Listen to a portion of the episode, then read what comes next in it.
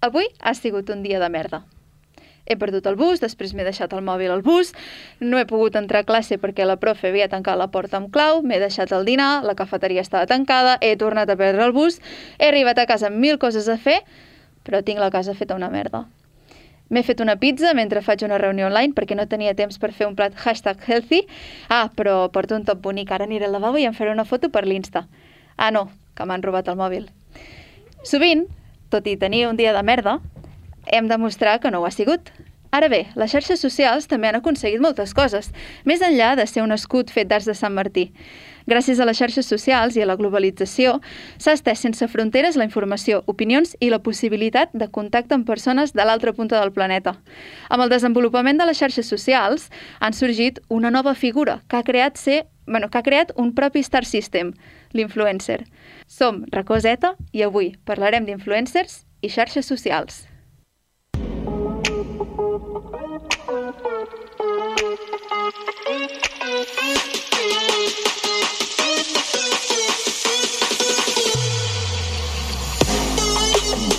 Comencem a topíssim aquest nou programa aquí a Ràdio Manlleu, al 107 FM, en el qual parlarem, sense pèls a la llengua, de temes que preocupen els adolescents i joves actuals. Així doncs, som joves que parlem sobre temes de joves amb ulls de joves. Som la generació Z parlant a racó Z. I avui, com hem dit, parlarem sobre les xarxes socials i els influencers. Um, què podem dir d'això? Pues, uh, poca cosa fins que no comencem el programa, perquè primer hem de presentar el tremendo equipo que tenim aquí amb nosaltres. Redoble de tambors per l'Enric Sitjà, el nostre magnífic tècnic, i sense el qual, uh, ja us dic jo, que no seríem aquí. Hola! Hola, Enric, què tal? Uh, presentem ara a la Laura Dueñas, aquí al meu costat, estudiant de comunicació visual, amb moltes coses a dir i que no ens deixarà indiferents. Ho esperava amb candeletes. Ho esperàvem. Importantíssim, el nostre productor, l'Eloi Rubio, que ens anirà preparant perquè no ens passem del temps i ens anirà avisant. I, per últim, però no menys important, ni de tros, Ignasi Redorta, Community Manager, que avui eh, tens una mica de protagonisme, eh, perquè avui parlem de- d'això. Com estàs? Bé, molt bé. Avui vinc a aprendre, eh? Vinc amb els apunts i tot per Ah, aprendre, vale, vale. perquè hem de Avui, triomfar avui t'has, nosaltres. t'ho has preparat, no? Avui vens a rebentar tarima. Molt bé. I ara el burro pel final. Jo sóc la Laia Junquera i intentaré no cagar-la conduint la màquina del programa. Comencem, doncs, racó Z.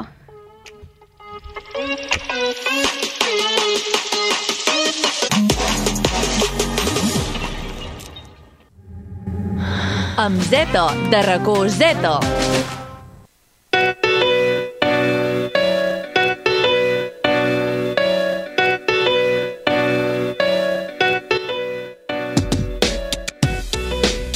Si jo dic Paula Gonu, Dulceida, Zulu, Àngela Mármol, tothom sap de qui estic parlant, no? No, no, no.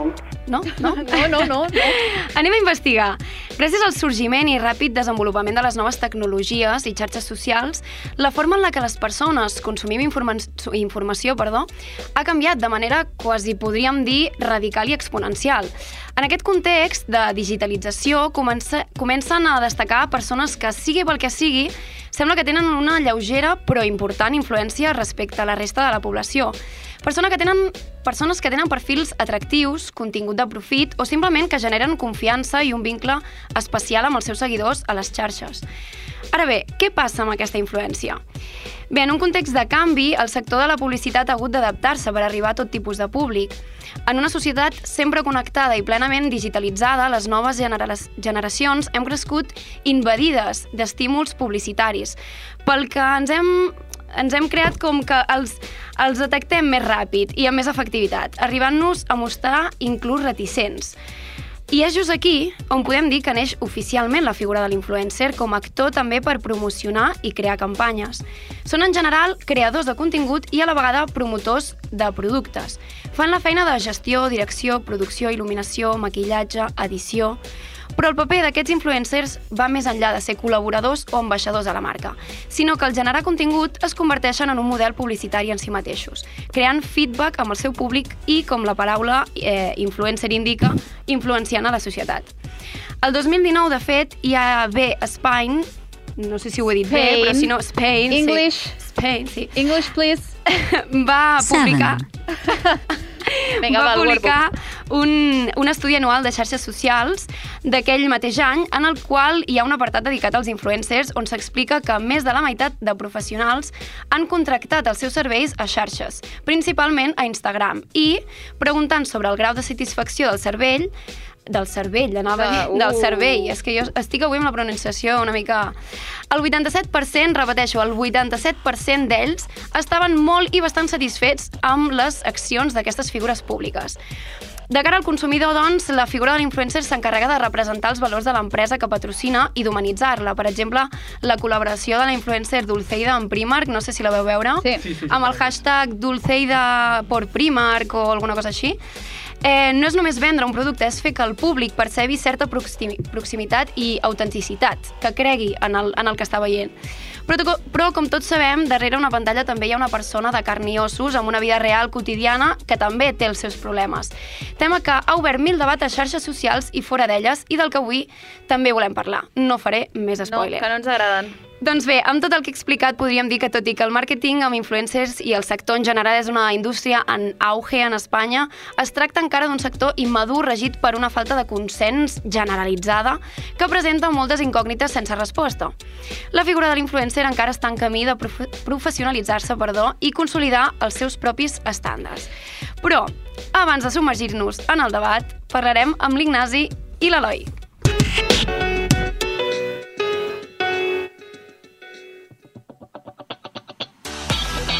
Experts, convidats, curiositats i molt més cada setmana a Racó Zeto.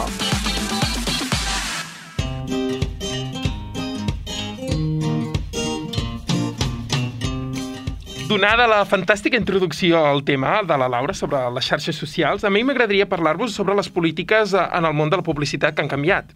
És a dir, abans el patró, el patró de pu- publicitat era contactar els mitjans de comunicació per preservar un espai, ja sigui televisiu, en el diari, on posàvem el típic famós de torn, anunciant rellotges, bolsos, cremes, entre En d'altres. George Clooney, el- l'anunci de. Nespresso. Sí, la típica, la Espectacular. típica. la Shakira anunciant iogurts, la dir, Era, era típic veure. Però això ha canviat. I a les marques els hi surt molt més a compte regalar aquell rellotge o aquella roba del prima que la Dulceira perquè se la posi i vendrem més. És que vés a saber el que deu costar portar algun personatge així, no sé, aquests de rotllo pantent, que cada, cada anunci treuen algú diferent. Vés a saber què els hi costa portar aquella persona per fer un anunci. Però jo ja no crec que sigui a nivell econòmic, sinó a nivell de després la, tot el que hi pots tenir de, uh, després de... Ara no em surt com es diu la paraula, carai. Eh, Engagement, No, no. doncs els beneficis, ara, home, que em costa, Laia. Uh, tots els beneficis que pots tenir després. Al cap i a la fi, si et patrocina una cosa, una persona, eh, que tu la pots veure al seu dia a dia, és millor que te la patrocini doncs, la Shakira menjant un iogurt, que dius, bueno, doncs és que no sé si em menja iogurt aquesta senyora, saps? O sigui, Exacte. Uh, anem més enllà, aquest fenomen ha pujat amb tanta força que ara els adolescents volen ser influencers. Tenint en compte que un de cada quatre joves té, treballa, els adolescents veuen en ser influencers la seva sortida laboral molt més rentable que altres estudis qualificats. Eh? clar, Tant aquí... de bo, t'imagines tot, tothom influencer. Sí. Tothom influencer. Aquí jo crec que um, entra també el debat d'aquestes noves feines, que és a, a relacionat amb el que has dit abans, Laura, a la teva introducció. Eh, aquestes noves feines que, que, surt, que han sorgit a través de la globalització i de les xarxes socials, eh, que evidentment generacions anteriors o moltes persones no les veuen bé, perquè són unes feines que evidentment són feines de puta mare, eh, però això no significa que no ocorrin saps? Llavors, doncs, eh, a totes aquestes noves feines potser s'han d'anar com posant sota el, el que, bueno, el, doncs els estàndards, Aquest és- entre sí. cometes, eh, per normalitzar-les, però això no significa que siguin menys o més... Ui, que em carrego el micro. Eh, que siguin més o menys valuoses. Però sense les xarxes socials no hi haurien hagut els influencers. Ah, aquí li qua. Exacte. Primer va haver-hi les xarxes socials i llavors els influencers. Però les xarxes socials no fa molt qui són, i els influencers encara menys. Per això, el nostre company Eloi, avui que no ens pot acompanyar en directe, ens explica algunes de les xarxes socials que van aparèixer.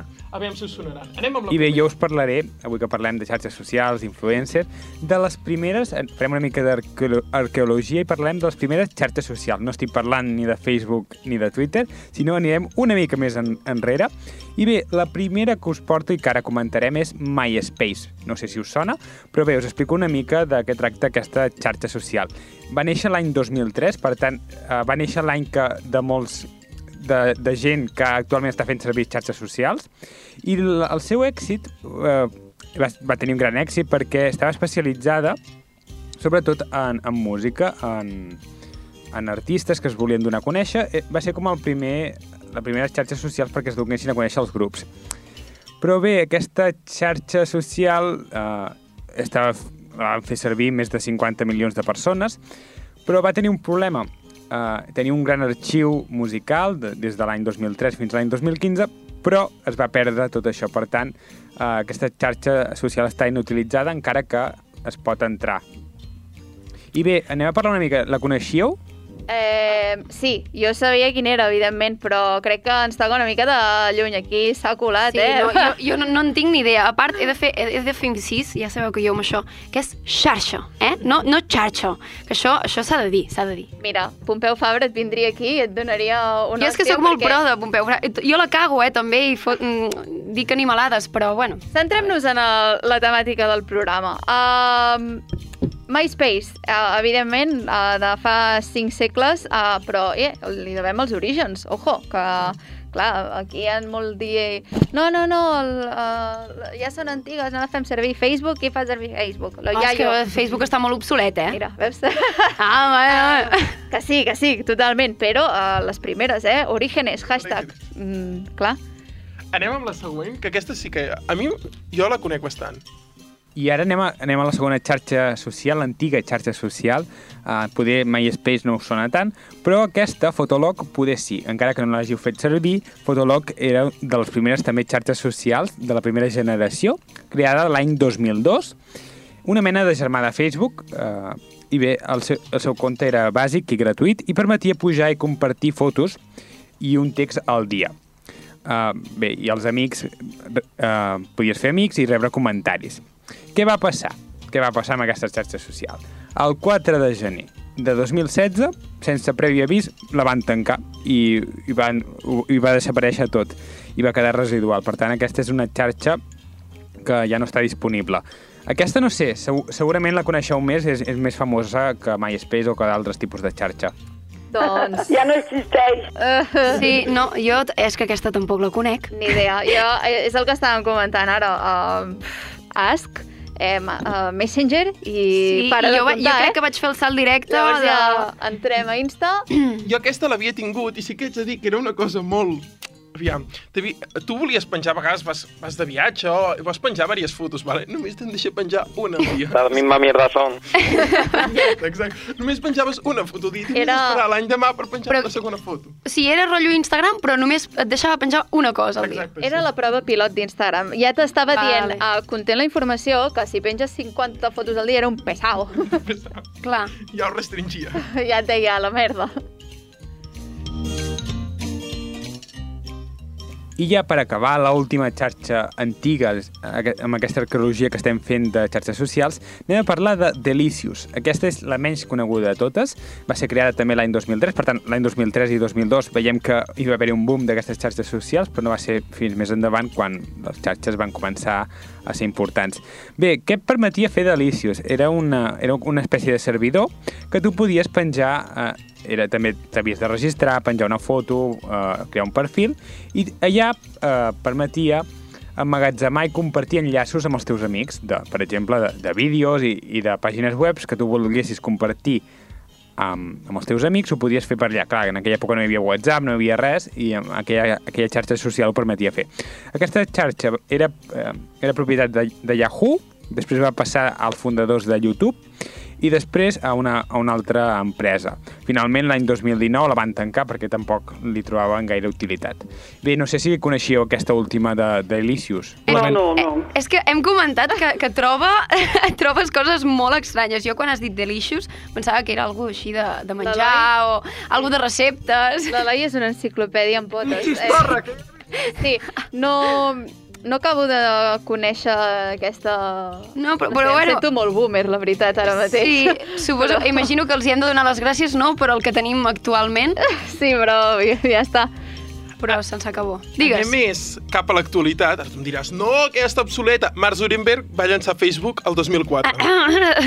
Vale, l'has clavat? La Digues. xarxa permetia afegir com a amics, enviar-los missatges, compartir enllaços, fotografies, vídeos, entre moltes altres coses. Tot i que el seu esclat va ser per l'any 2010-2011 amb l'aparició del 3G en els mòbils. Us en recordeu? Sí. Bueno, s'ha de dir que ara està obsolet, però Facebook en el seu moment, eh, clar... Lo petava. Jo ara penso, clar, et deixaven posar això, eh, compartir enllaços, fotografies, vídeos, enviar missatges, tenir la teva, el teu mur, el ta... Vull dir que en aquell moment devia ser... Ara Facebook serveix per recordar vells temps. Exacte, I sí. els aniversaris. Exacte, Molt de també, tant en que tant. arriba Ah, el sí, correu mític. sempre...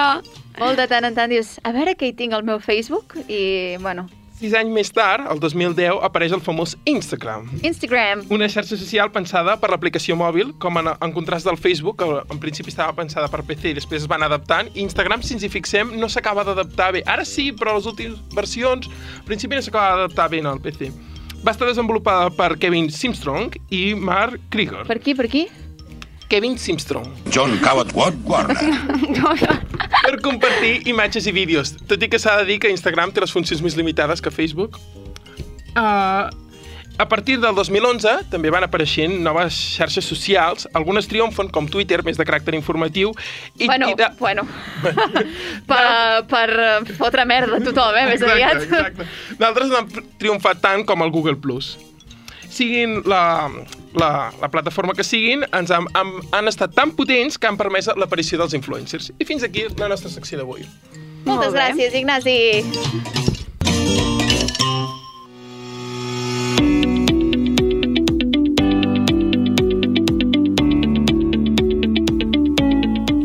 La Núria Illamola ens va portar, doncs ens va acompanyar la setmana passada com a convidada, però en aquest programa ve a parlar com a experta sobre xarxes socials i influencers, les temàtiques d'aquest programa d'avui.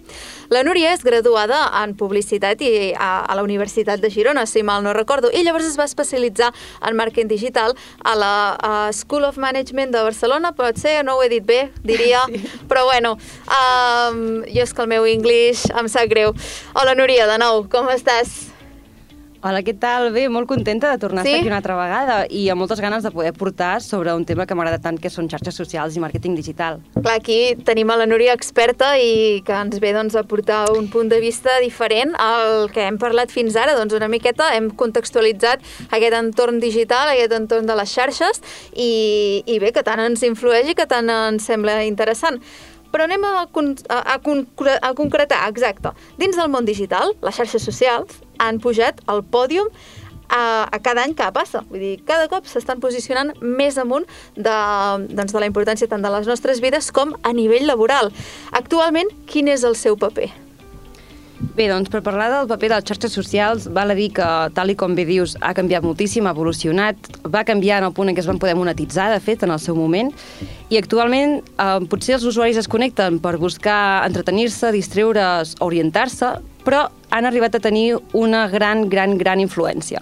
Una gran influència a nivell eh, polític, econòmic i també social. Tenim exemples, no? Per exemple, a nivell polític, eh, en Trump, no? que diuen que va incentivar els, els assaltants del de, Ahà, al Capitoli, sí, sí. de fet.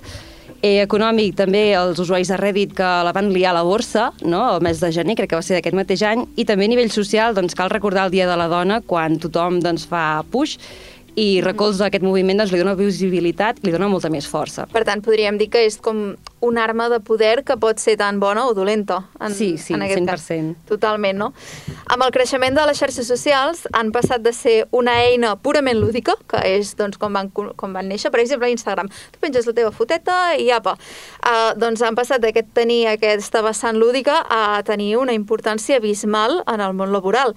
Creus que tenir xarxes socials és imprescindible uh, per donar visibilitat i veure els, uh, els valors d'una empresa i o per mostrar els teus projectes personals i aconseguir feina, clar. Tu, tu per exemple, doncs, si ets il·lustrador o il·lustradora, doncs de- deixes allà a Instagram, presentes els teus, les teves il·lustracions i et poden agafar. Sí, doncs 100%. O sigui, és imprescindible avui en dia tenir presència digital, siguin xarxes socials i també doncs, a nivell de posicionament no, en els cercadors. Eh, xarxes socials, quines xarxes socials? No? Perquè depenent de Ah, l'empresa, si t'estàs comunicant um, que tu vens a altres empreses, a consumidors, o que és la teva marca personal, tindràs un perfil o tindràs un altre. Llavors, això també uh, depèn, depèn també dels, o sigui, hi ha tota una estratègia darrere, no? I s'ha de fer una estratègia de continguts i aportar continguts de valor que li puguin interessar a l'usuari. Tot sempre tinguent en compte l'objectiu que tens amb aquest perfil. Digues, digues. Um, perdona, doncs el perfil, no? De que pots tenir l'objectiu, per exemple, de guanyar notorietat o pots tenir l'objectiu de crear una comunitat i fer com més engagement amb els teus usuaris. Per tant, també estaríem parlant de que potser cada social té... Ai, cada social, sí, molt bé, Laia. Cada xarxa social uh, té un context, també. Per exemple, no és el mateix que parlem de Twitter que que parlem de TikTok. Bueno, Potser... i, I això, de fet, també eh, relacionant jo és que tinc la paraula target al cap, ara no sé Sí. per què m'ha vingut target, target, no? Eh, amb això que deies de que depèn de quina xarxa social, és evident que si tu tens un producte que et dirigeixes, per exemple, a gent d'una edat de 50 amunt, ostres, potser que et facis un Instagram com a empresa, si vols arribar a aquest públic, no, no acaba de ser factible, bueno, no sé, profitós, sí, sí, no? Potser. evidentment, O sigui, al final has d'estar en el perfil que hi ha um, al teu públic, no? O sigui, el teu objectiu, tal qual. Totalment. De fet, eh, ara ens anem a centrar a Instagram. És una eina que potser ha assolit més aquest paper de, podríem posar entre cometes, mostrar eh, les teves aptituds, doncs que també el fet de penjar les fotografies a nivell visual entra molt més. Eh, mentre que Twitter, doncs, com hem dit, aquesta diferència de, de xarxes s'ha convertit en una eina per anar bueno, a cuchillo eh, i donar Cert, sí. opinions, sobretot des de l'anonimat i sobretot des del desconeixement. Uh, els, fanat, els fantàstics haters, que també en parlarem més endavant, uh, són els responsables de moltes donades de baixa de perfils i altres molts problemes que poden desencadenar a nivell emocional i a nivell personal a les persones. Des de la teva experiència, uh, com evitaries que una persona interioritzi uns missatges tan personals? A veure, o sigui, realment s'ha de diferenciar moltíssim quan estàs gestionant un perfil d'una empresa o d'una marca personal amb el teu, no? Mhm. Llavors, a partir d'aquí també forma part de la feina i de l'èxit, o sigui, com més èxit tens, més visibilitat tens i, per tant, doncs, com més persones els agrada, els agrada la teva mm, empresa, la teva marca, el teu producte, també tens més haters. No? Llavors, des del meu punt de vista, i és la meva opinió, eh, no val la pena donar-li importància a un hater quan no la té, o vull dir, desdramatitzar una miqueta, no? de dir, bueno, no passa res, sempre hi ha gent que li agrada o li desagrada el teu producte, però sí que s'ha de tenir en compte uh, l'impacte que poden tenir. Per exemple, que et poden desencadenar una crisi, que si ets una influencer o una influencer et pot um, perjudicar no? en contractes amb empreses, en col·laboracions. Llavors, en aquest punt sí, se li ha de donar importància i s'ha d'analitzar a veure què passa o si tens una crisi de reputació. Clar, causants de moltes problemàtiques. És que de... és, és el que ha ha passat i hem vist que ha passat, hi ha molts casos.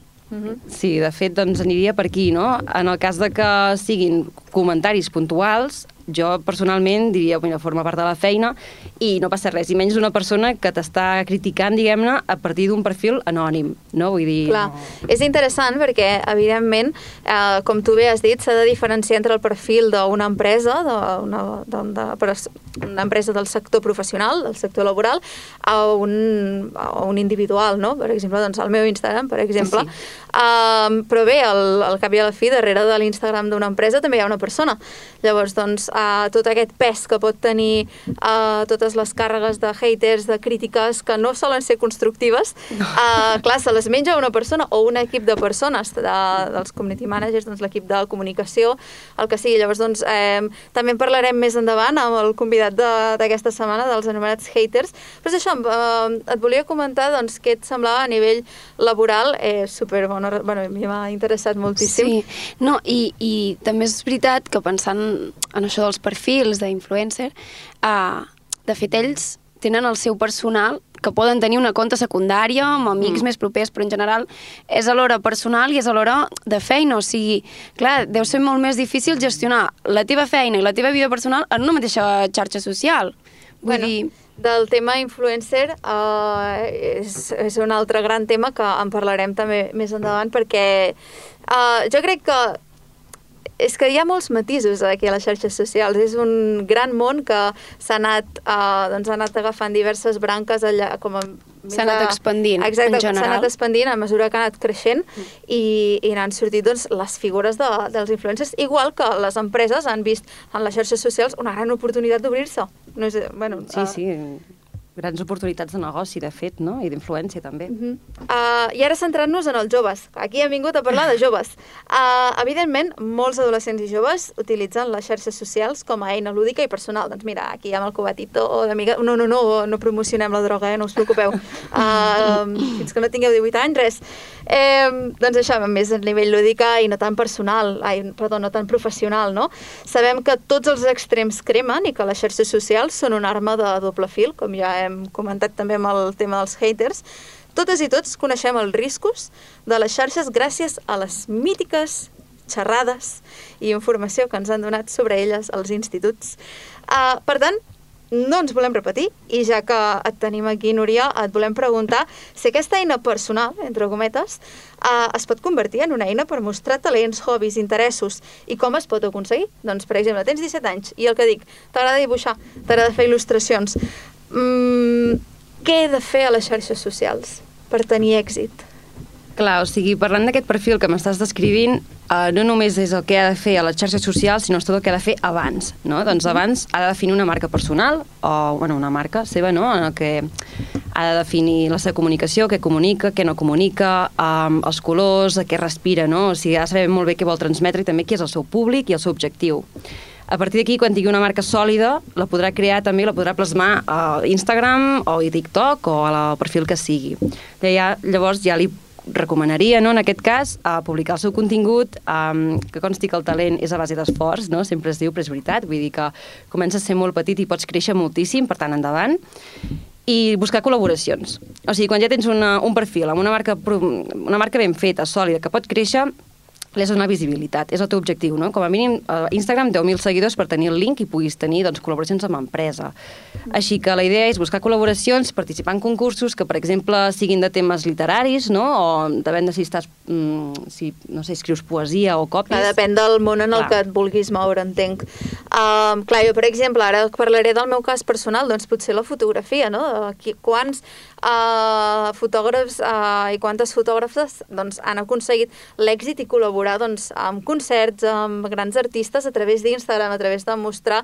Uh, bueno, d'Instagram poso perquè en fotografia, evidentment, és la, Sí. la que més impacte té, tot i que TikTok, uh, ojito, cuidado, perquè trepitja molt fort, Està, també. va l'alça, va Telita. va l'alça. Telita.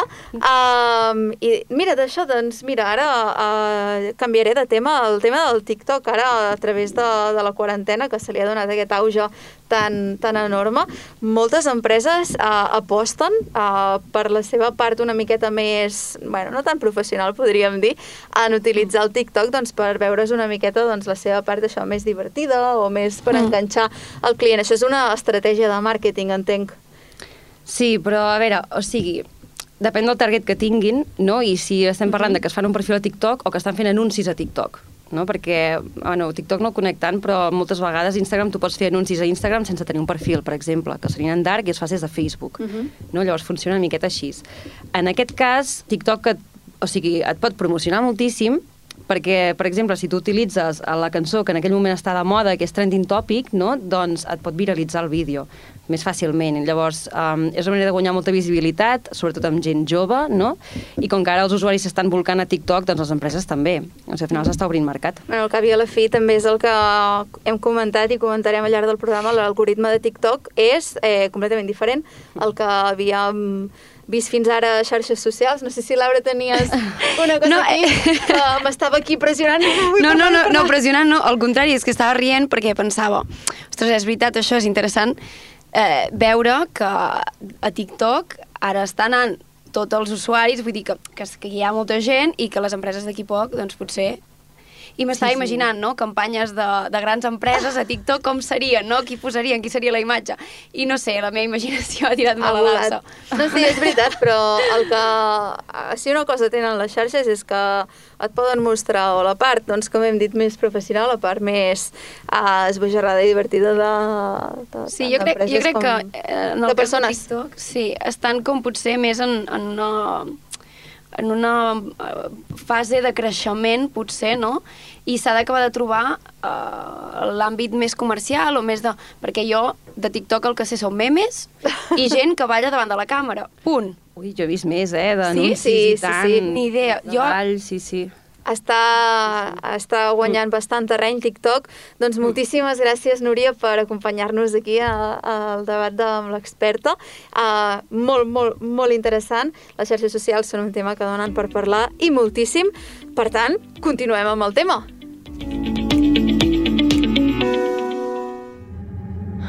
Amb Zeto, de racó Zeto.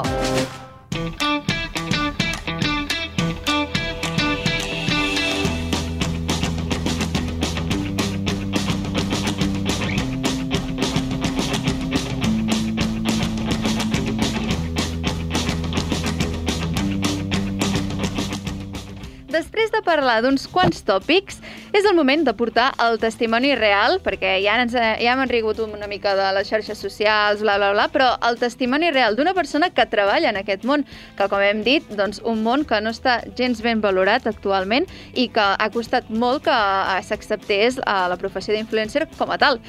Tenim amb nosaltres a l'Ernest Cobo, influencer, que amb només 17 anys ha aconseguit ser una persona influent dins del món adolescent i de les xarxes socials, creant un contingut que inicialment va ser de TikTok i ara també d'Instagram, amb uns quants, uns quants seguidors, ara ens ho dirà. TikToker i Instagram, com he dit, eh, anem a parlar amb ell sobre l'impacte emocional eh, i personal que té ser un influencer. Oye, que fàcil segur que no és. I xerrarem una mica sobre la seva trajectòria sense adulcorar els detallets, eh, que aquí arcoiris... Um, hola Ernest, com estàs? Què tal? Molt bé, molt bé. I vosaltres? Doncs nosaltres encantades de tenir-te aquí. Si no em carrego el micro avui, no sé què em passa, perdona. Laia, sisplau, no et posis Eh, nerviosa. Ai, és que estic nerviosa, nena. Um, doncs això, molt contentes de que estiguis aquí. Abans de res, uh, contextualitzem. Com comences en el món de les xarxes socials? Tenies alguna influència prèvia? Va sortir natural? Rotllo, ah, doncs mira, uh, faré, penjaré aquest post a veure què passa? O va sortir totalment natural? Tot comença en que jo tenia una millor amiga i un millor amic i sempre em deien... Tu Tenies, ja no... Tenia, Ja tenia. no... Est... Ah, Vas... ah, Ja no vale. estan en aquest moment. Vale, no, ja. Vale, vale. Tema delicat. Sí. Seguim, Vale, seguim. vale. I, I em van dir, tu vesteixes bé, tens rotllo, no sé què, penja un vídeo i intenta-ho. Jo, no, perquè això va molt bé o molt malament. Total. I a finals de quarantena vaig dir, doncs vaig a penjar un TikTok, què hi perdo? Saps? Si no el borro ja està. I als 10 minuts, niu, va pujar cap al milió de visualitzacions i vaig dir, doncs en penjo un altre. I de, així, Sí, sí. ho vas penjar i de seguida... Sí, sí, sí. I no era res, eh? Jo cantant sobre el, el mòbil apoyat a una taula i jo cantant al llit. Tal qual. És que, clar, el TikTok, uh, aquí que abans també hem tingut un debat previ de si ah, jo no me'l faré mai o si jo me'l faré, ara també en parlarem, l'Enric fa que no amb el cap, uh, presenta un algoritme completament diferent al l'algoritme d'Instagram, TikTok, i permet que un vídeo que has gravat tu des de Manlleu, que pot semblar el lloc més remot del planeta, Exacte. ah, no, no, evidentment, salvant, Arribi- salvant les, distan les distàncies, arribi a... vés a saber on, i doncs Sí, tinguis... arriba a Estats Units, a Xina, a tot Exacte, arreu. que tinguis una projecció increïble que amb Instagram no tindries. Llavors, doncs això, et volia preguntar, què publiques a les xarxes? Quin és el... Perquè d'Instagramers, perdó, perdó, d'influencers, n'hi ha de molts tipus, de menjar, de moda, d'entreteniment. Quin ets tu? Jo penjo el meu dia a dia. El teu dia a dia. Sí. Les No, no sol explicar els meus problemes íntims, Però sí que si vaig a menjar, doncs penjaré una foto. Si vaig amb els amics, doncs penjaré una foto. Els detalls de la vida sí. quotidiana. O sigui, tot, tot va començar llavors amb TikTok, amb un vídeo teu cantant i o no? Bueno, cantant no, Can- Cantant no, fent que cantes, sí. vale. I em vaig penjar un altre i va començar a pujar, va començar a pujar i... Pues, I la gent es va enganxar a això, no? Vale. Clar, a través de... No tothom uh, pot uh, transmetre a través de- d'una càmera. Nosaltres que hem estudiat comunicació audiovisual bé ho sabem. Uh, tenir la presència o el carisma Sí, sí, per projectar-ho uh, és una cosa complicada. Però influencer és una nova professió que ha costat, com hem dit, reconèixer-la com a tal. I tu, Massa. exacte, més tu sabràs que jo, evidentment. Moltes persones no acaben d'entendre aquesta professió i, en conseqüència, la critiquen. És a dir, des del desconeixement, criticar-la. Reps aquestes crítiques, què diries uh, respecte Les a això? rebo. És més, jo quan tinc que anar a gravar alguna d'una marca o qualsevol cosa, jo els dic als meus pares, em portes a Barcelona que haig d'anar a gravar? No, no, no t'hi portaré. Li dic, és el meu treball, m'hi has de portar. Saps què vull dir? Ostres. Però en moltes altres situacions, jo què sé, de què treballes? Oh, jo em guanyo la vida, jo sóc creador de contingut. Què és això?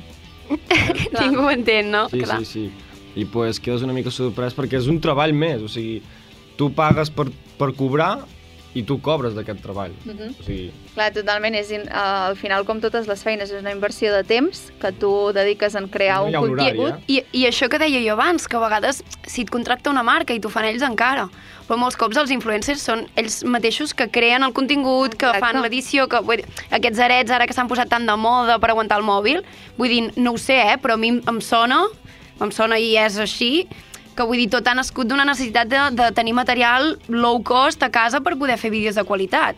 I Ara- això ha sigut gràcies als influencers. Ara anirem a parlar també de la publicitat, en com t'afecta i tot, però abans eh, recordem que hi ha molts tipus de professions, ja per concloure això, i hi ha moltes persones que no tenen la sort de treballar del que els agrada. Llavors, eh, el poder treballar del que t'agrada i di- gaudir-ho i tot, hòstia, és un gran privilegi. I, de fet, potser alguna crítica eh, radica en, el, en alguna persona que no pot treballar de, del, del que li agrada i, hòstia, la frustració potser que, que això pot crear al veure algú que sí que ho fa, no? Perquè eh, sí. O sigui, quan tu guanyes la vida amb alguna que t'agrada, a la gent que realment t'estima s'alegra per tu i a la que Mhm. no, pues, li fa enveja i t'intenta superar i, Va, Aquí comencen els problemes, Els típic, no?, de fantàstics- xarxes socials, tot. els fantàstics haters, que també també la parlarem. oscura. La part oscura de les redes. Total. Uh, al ser una professió, entenc que hi ha d'haver un compromís, doncs, uh, però parlo des del desconeixement. Per tant, et vull preguntar, publiques sem sempre independentment de l'estat d'ànim, tens una, uh, no sé, una graella, per dir-ho d'alguna manera, Sí, sí, de sí. el- com Jo organitzar-te. tinc, jo tinc un pla de treball. Exacte. Sí, jo tinc que penjar tants TikToks al dia, tantes històries al dia... Ho puc complir o no? O sigui, és per fer-me una idea. O sigui, ells no et diuen... O sigui, tu quan et fitxes un representant o, una, o la teva empresa, que és la que et porta, tu no, no et diuen, tu tens que fer això. No, ells et diuen, jo et recomano que facis això.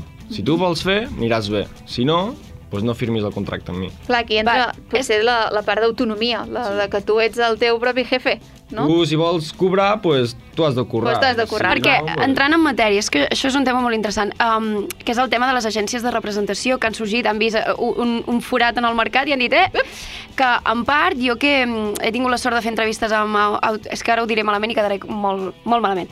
Uh, Outconsumer, pot ser que es digui, és un youtuber així bastant... Bueno, o, o Manlong, també li vaig fer una Sí? entrevista, i és gent que sí que té empreses de, de representació o bé tenen algun intermediari, que ells comentaven que a vegades quan has de barallar per dir-ho d'alguna manera, no? però barallar un preu, etc amb una marca, són aquells que t'ho fan com més amè, no? Que dius, bueno, doncs jo el tema de negociacions i tot això, Sí, sí, o sigui, tu tens un representant que ell... O sigui, el que tu el tens. Sí. Vale. El que importa no són els números de seguidors que tens, són les estadístiques. Perquè jo em compro seguidors, puc tindre 10.000 seguidors i també tinc unes estadístiques d'un personatge de un 1.000 seguidors. Saps Clar. què vull dir? Tu passes les estadístiques, el teu mànager o el teu representant et fa un...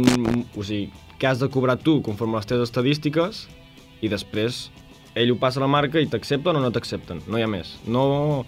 Si jo cobro 1.000 euros per una història, no me'n pot treure 1.500 perquè estàs estafant a la marca. Si no, se'n va un altre influencer i li, li fa amb Vale. La qüestió, doncs, això és que has tret un tema molt interessant, que és el comprar seguidors.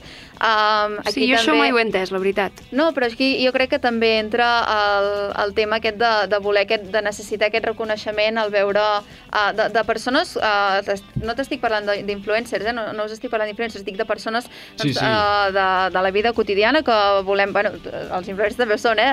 perdoneu, però uh, no, però per exemple com persones com jo, que amb els seus 500 seguidors a Instagram, pues, hòstia, no, jo necessito likes, jo vull no sé què, vull reconeixement, aquesta necessitat al, al reflectir-se amb unes persones, doncs el, aquesta comparació tan dolenta que pots, eh, bueno, pot acabar molt malament a nivell psicològic, eh, doncs és que això, has tret el, el tema eh, perfecte i em volia doncs, fer-li... La pregunta del millor. un Sí, li volia fer èmfasi en això perquè, hosti, també... En comprar seguidors és quan obres un perfil, té 80.000 seguidors i té 400 likes. Això són seguidors comprats. És impossible que Instagram només t'hagi publicat la teva publicació en 400 persones. És impossible. Perquè jo, per exemple, tinc, jo què sé, 20.000 likes a una foto i n'han l'han vist 50.000. Però 20.000 li han donat me gustes. Saps què vull dir? I Això és un altre tema. Aquí surten les estadístiques, o sigui, si tu a una marca li passes les estadístiques, ell ja t'està dient ah, els teus seguidors són comprats o no són comprats. Clar, que Val. aquí també surt tots aquests posts que s'han fet tan famosos a Instagram de uh, su dona suport a, a les publicacions, que doncs surt el... Sí, perquè ara, Per ara ha canviat l'algoritme. la- Ah, l'algoritme. exactament, ha canviat l'algoritme uh, perquè suposo que ara jo també ara aquí parlo des del desconeixement et vull preguntar aquest algoritme que uh, havia canviat en TikTok i que és el que ha fet doncs, uh, pues, en, enlairar a tants influencers com tu, per exemple. Um, ara Instagram sembla que l'està intentant copiar amb el Reels i, i a veure si no passa com la Snapchat, que al final Instagram va absorbir Snapchat i, i que TikTok es quedi obsolet. Com és ho una, veus? és, és una putada, perquè tu et curres un vídeo i després no té èxit. Clar. I després no et curres un vídeo i és el que té més èxit. Saps Ja, mai es sap. És... Tu estàs lluitant per currar-te els vídeos i perquè tinguin èxit. I anant bé només arriben a 10.000 persones. I fas un vídeo, el que et deia, cantant, i anant bé arriba a 7 milions de persones. Clar. Amb TikTok, Sí. clar. Que l'algoritme de TikTok eh, han- t'enganxa... S'ho han muntat bé, s'ho han muntat bé. Sí, no, però te l'agafa, està, està comprovat que en 15-20 segons t'agafa l'algoritme als teus gustos i després t'atrapa i de fet doncs, hi ha hagut milers de casos de, de persones enganxades a, a TikTok uh, per les seves conseqüències. Uh, però bueno, anem a la, respecte a la publicitat, que també crec que és un tema interessant. Les col·laboracions són ben rebudes per a les teves seguidores i seguidors? Uh, o quins criteris tens per acceptar una, una col·laboració o no? Respecte al que hem comentat abans, de, hosti, Sí. aquest, aquesta proximitat de, de, d'un- de... O sigui, clar, si jo tinc un perfil enfocat a menjar, no faré una col·laboració d'una cadira, Exactament. saps? Jo tinc enfocat el meu perfil a la meva vida, uh, normal, el que faig dia a dia. Per exemple, um, a mi m'agrada la roba, doncs solo col·labor- col·laborar amb roba, amb sabates, amb marques de, jo què sé, l'altre dia vaig fer una col·laboració amb Adidas, amb Footlooker, amb Puma. Són coses enfocades al que jo penjo, o sigui, jo penjo fotos al mirall, cada dia potser penjo 15 fotos al mirall i es veu la meva, la meva roba, la meva forma de vestir i doncs, ho has de, has de, o sigui, tu has de saber enfocar, però com que ja tens el representant... El, el teu target, no? O sigui, Sí. clar, el que dèiem Has abans... Jo... d'identificar. Exacte. Llavors és quan et surt, per exemple, doncs, ah, mira, amb el mateix exemple te l'agafaré a un influencer de, de menjar, doncs que llavors et publiciti unes, unes bambes. Doncs llavors, Per clar... exemple, o sigui, no, no agrada al teu públic això, ells estan a tu pel menjar. Aquí vull per dir- tu i pel menjar, lògic. aquí vull arribar, llavors doncs, uh, pot donar més pas a més crítiques al fet aquest de, de que, hosti, digues, digues, Am- Laura. Algun cop has dit que no a alguna marca o algun... Moltíssimes. Que et volguessin fer-ho amb tu i... Sí, però... Pots posar algun exemple o no es pot saber? Bueno, no me'n recordo del, del, del nom de les Bueno, marques. del nom no cal, però algun, el producte que s'havia de publicitar. Sabates. Però no perquè no, no perquè no enfoqués amb el meu perfil, sinó perquè ja en tenia moltes. I havia Vale. de demanar els mateixos models. I per Vale. tindre un model repetit, no, Va.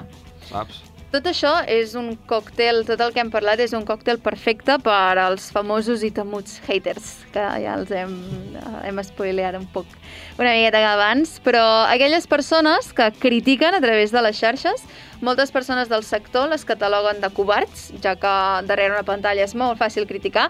Ara bé, continuen sent una problemàtica real dins el món d'influencer. Uh, és la pregunta típica de uh, top 10 coses sobre mi, ¿te afecten los haters?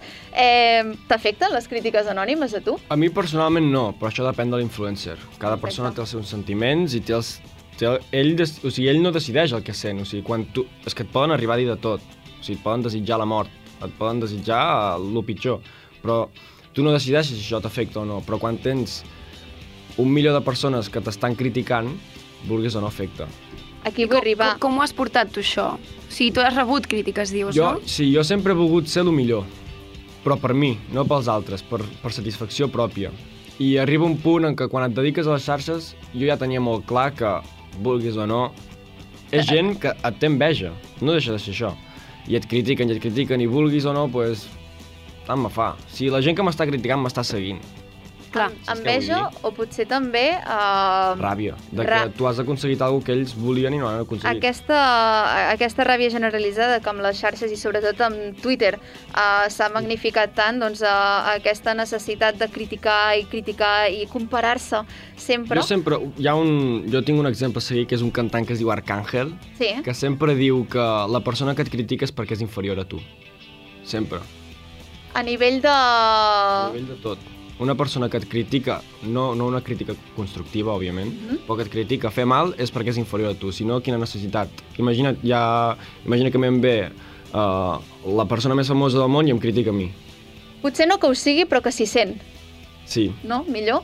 clar, o sigui, si Um, algú et critica jo crec que és perquè és inferior a tu. Perquè, i d'aquests que, per exemple, no són haters com a tal, però sí que et segueixen, tu has sentit pressió per part de la gent que et segueix en algun moment de la teva vida que hagis... Sí. En moltes situacions. Situacions com que, aviam, aviam, que no- aquí volem salseos. No, no volem salseos. No volem salseos, però bueno, bueno. O sigui, tu has d'assumir que tu estàs, tu estàs vivint i estàs menjant i estàs dormint gràcies a aquestes persones que et segueixen. Uh -huh. Però sí que les persones que et segueixen, el mateix respecte que els hi tens tu, te l'han de tindre tu. O sigui, jo si vaig a sopar amb la meva iaia i estic a mig sopar, no em demanis una foto, Clar. perquè et diré que no. Evidentment. Però no perquè jo no vulgui, sinó perquè estic en un moment que no sóc un influencer. exacte. És la meva vida. Clar, aquí seguim doncs, una mica en el terreny personal d'aquest límit, entre cometes, aquest fil que trenca el que tu doncs, mostres la teva vida quotidiana, però també tens una vida personal. Lògic. Um, llavors, doncs, això de uh, compaginar-ho deu ser difícil i sobretot si doncs, uh, amb tots els seguidors hi ha molta gent doncs, això que no, no comprèn aquest límit i el traspassa i llavors doncs, et poden catalogar a tu, per exemple, de borde o... El que vull deixar clar és que mola que et demanin fotos. Uh -huh. O sigui- No, no estem dient el, el contrari, eh? no et No, però preocupis. aquí això vull deixar-ho Sí, clar, sí. que mola que et demanin fotos perquè vol dir que estàs fent la teva feina bé, o sigui, una cosa no Clar, treu que tenen l'altra. com a referència, que al Evidentment. final és el que Això vols... és guai, saps? Però a mi em venen a demanar una foto i sóc el primer que eh, fa la foto, els hi grava un vídeo, si fa falta, m'han dit mil vegades truca'm i felicita'm. I accepto no sé qui és i el truco i felicito sense cap problema. Saps què vull dir? Però sí que és saber el moment en què tu has de demanar allò, si estàs sopant o estàs dinant o estàs fent alguna cosa al mateix lloc i veus que aquella persona està ocupada, espera't a que acabi i tu també estàs allà, després li pots demanar una Exacte. foto. És trobar el moment i comprendre que tots són persones. Guai. Llavors, uh, m'agradaria finalitzar uh, ja la- la- l'entrevista, si et sembla. Jo, jo voldré fer una pregunta més, Vale, però doncs, et deixo, ah, et deixo fer. La, la pregunta d'abans del final. Um, és una pregunta que a mi personalment em crea molta curiositat i m'agradaria saber què opines. Tenir tants seguidors i que siguin adolescents, que és una època on descobreixes qui ets per passar la temuda i estereotipada vida adulta, comporta una pressió extra el fet de tenir aquest target, uh, és a dir, el fet de ser una persona influent i tenir el poder d'influir sobre molts joves, uh, et fa respecte o com ho gestiones? Més que respecte, has de saber què penges. O sigui, Instagram et dona la mitjana dels teus seguidors d'anys. O sigui, la meva mitjana són de, de 11 o 12 fins a 20. La meva mitjana són aquests seguidors. Um, tu saps què pots penjar i què no. Jo no penjaré una foto fumant. Jo no penjaré una foto de discoteca amb els meus amics, perquè estic influenciant a gent petita a que faci allò. Saps què vull dir? Clar, i encara que, que tingui cabuda dins la teva vida real, no és el teu dia a dia, no és, no és donar aquesta imatge. O simplement, imagina que jo penjo una foto fent el tonto i un nen petit o una nena petita ballant amb la seva mare i li ensenya mira què ha fet aquest influencer, ho vull fer. Clar, No, també s'ha de pensar que el tenir influència també és important doncs, saber què visibilitzar i què no Bueno, i visibilitzar. aquí mostres si estimes o no els teus seguidors, els hi tens una pressi, perquè o sigui, si penges qualsevol cosa ja estàs, ja estàs dient me la repampinflen, saps? Exacte. Vale, va. I jo volia fer aquí un... no, Tu segueixes algun influencer? Sí. Quin influencer? Aviam, posa un. De seguint segueixo molts, però el meu que dius jo segueixo aquest, en Víctor Pérez. Sóc una rèplica d'ell. Vale, Vesteixo sí igual, t'agrada. parlo igual, tinc el mateix pentinat, la mateixa colònia, tot. Però no per assegurar els seguidors, sinó perquè és el meu. O sigui, en Víctor Pérez és una persona que ha sabut portar-ho tot. Bueno, al cap i a la fi en, uh, és un món on hi ha molta gent també, molts professionals, uh, si, ho, uh, si ho comparem també en el món del cine, per exemple, no, no només hi ha un actor o actriu, hi ha milers, llavors uh, està guai doncs, també tenir referents i, i doncs, tenir influències al mateix temps que tu pots influenciar. Tothom té un referent. Tothom. Exacte. Uh, doncs moltíssimes gràcies, Ernest, per estar Igualment, aquí. Ha sigut superinteressant l'entrevista i seguim amb Racoseta.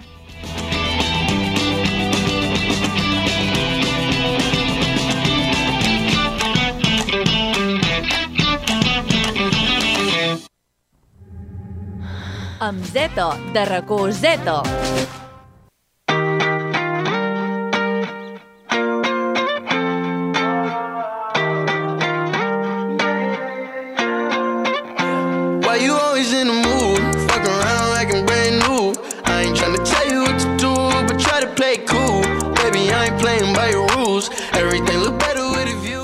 Passarem a parlar del nostre mood a les xarxes socials, on podríem dir-ne que és la realitat que volem mostrar als demés. A vegades, quan som feliços, mostrem 10 fotografies sobre el nostre cap de setmana i de la nostra rutina, zero. En canvi, quan estem tristos, no mostrem. O bé sí, amb les típiques frases.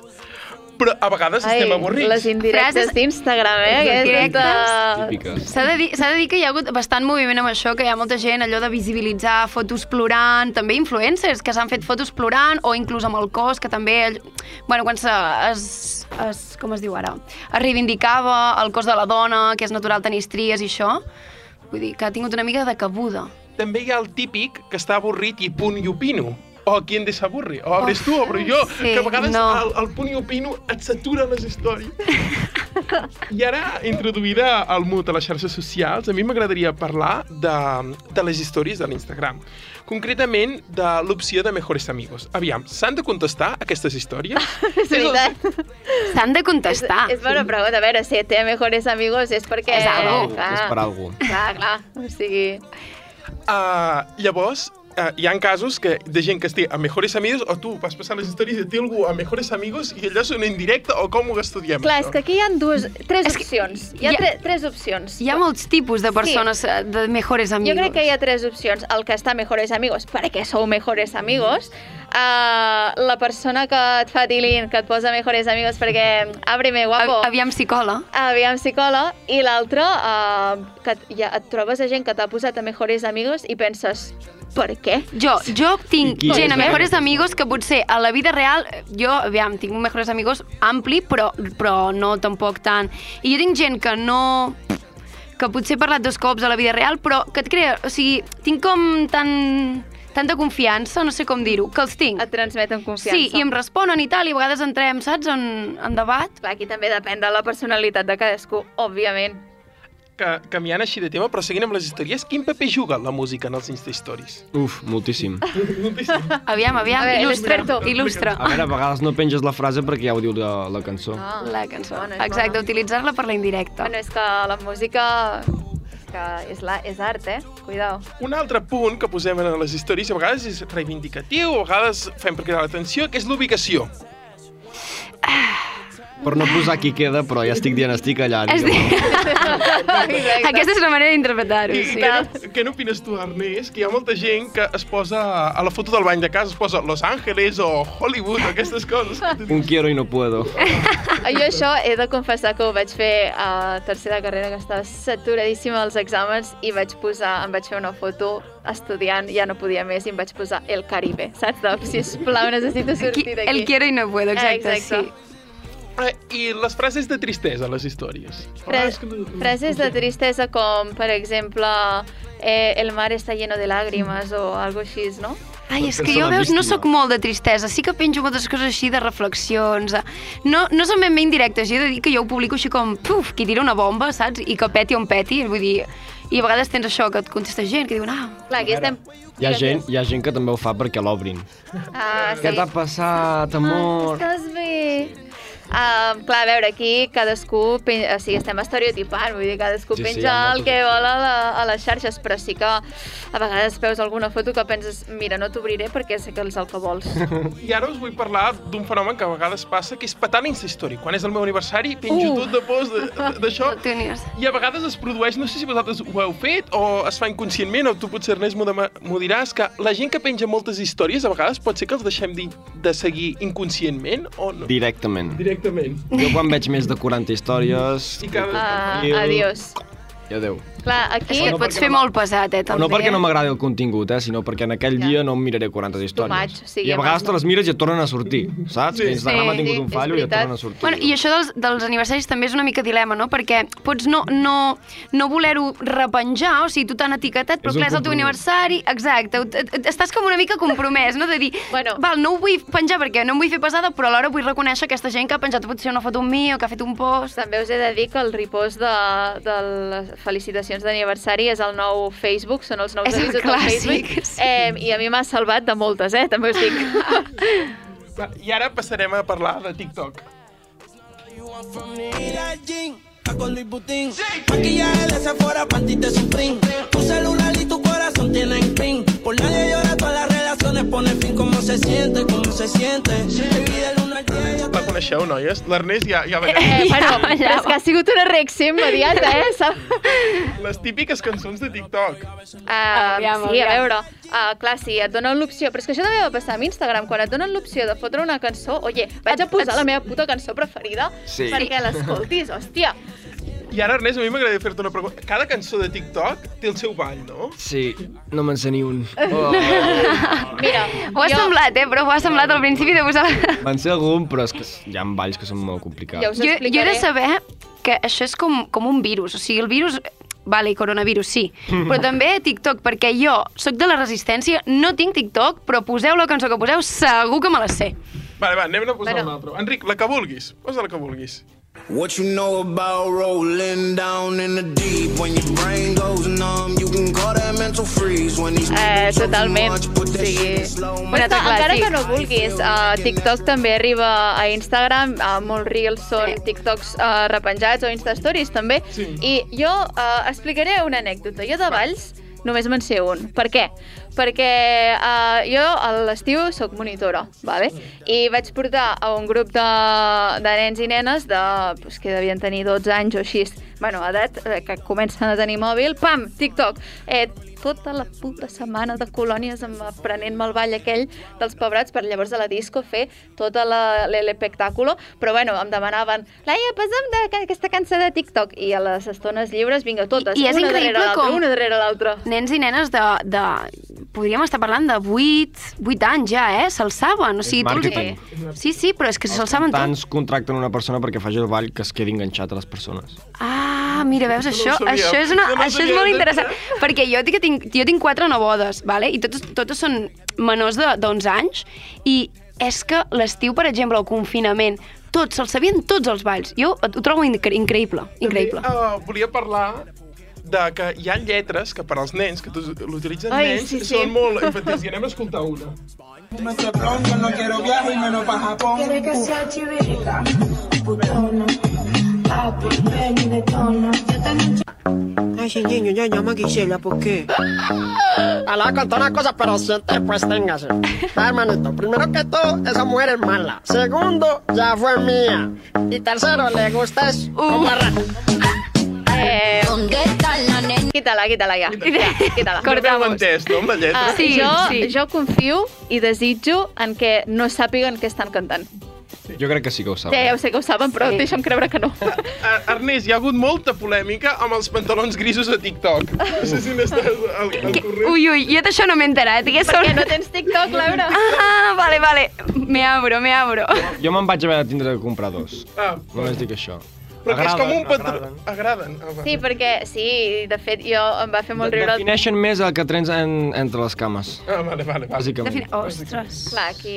Diuen, jo no noto, però... Ostres. Uh, es enorme. Ja per Bueno, acabar, aquesta eterna polèmica de què hi ha entre les cames, eh? Hòstia, ja per bueno. acabar m'agradaria posar el, el final que tinc, que és, és, us agradarà molt. Jo em vaig quedar, no és gaire famós, però veiem si tu l'has sentit, Ernest. ¿Qué vacuna llevas? Moderna. ¿Y tú? AstraZeneca. No te oigo. AstraZeneca. ¿Qué dices? Está muy loco, ¿eh? Sí soy. L- L'has sentit, aquest? Sí, jo també. Vale, jo no, però estic veient igual. Representa que tu vas de festa el 2022 i per lligar demanes la vacuna que portes. Ostres. És que, uh, veieu, el, les xarxes socials tenen coses molt bones, tenen coses molt dolentes, però sí que també és un gran reflex de la societat que vivim ara. I, hòstia, est estem ja molt cremats del puto coronavirus, amb perdó. Eh, ha fet molt mal, eh, tant a nivell psicològic com a la societat, a nivell personal, moltes persones que han perdut familiars, i, eh, hòstia, una miqueta de riure, i per què no, no? Podríem dir inclús que els influencers, bona part de confinament i postconfinament, eh, gràcies a ells s'ha passat més lleuger, han creat Totalment. molt de contingut en general, inclús influencers que potser no feien X tipus de publicacions, no un influencer no, normal de moda. A, a, L'hem vist a la cuina, per exemple, que això també ha sigut un gran boom. O sigui que també està bé agrair-los eh, aquest esforç que van fer ells també a visibilitzar inclús eh, els seus pitjors moments durant el confinament, que ells també, ojo, estaven tancats i ho van passar malament. I ens hem rigut una estona. Oh, i tant. Això, sí, això és l'important, això és l'important.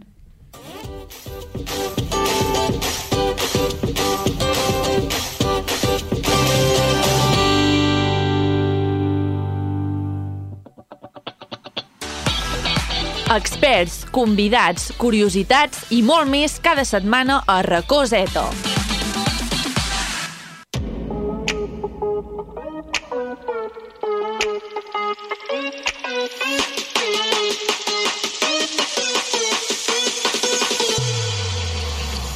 I ja sento els plors des d'aquí. Oh. I és que, sí, sí, és que indiquen al final del programa. Us deixem amb una cançoneta i ens, acudiem, ens acomiadem del programa d'avui, dedicat a les xarxes socials i als influencers. Si ens agafeu just ara, no patiu pas, perquè ens podeu escoltar a la web de Ràdio Manlleu, Spotify i iTunes, en un magnífic podcast. Recordar-vos també que ens podeu seguir a les xarxes, avui, eh, importants, a Instagram i TikTok, arroba racó, barra baixa zeta, barra baixa 107. I ara sí que sí, ens veiem la setmana que ve, el dimecres a les 8 del vespre, aquí, a, Ra... aquí, a Racó Zeta.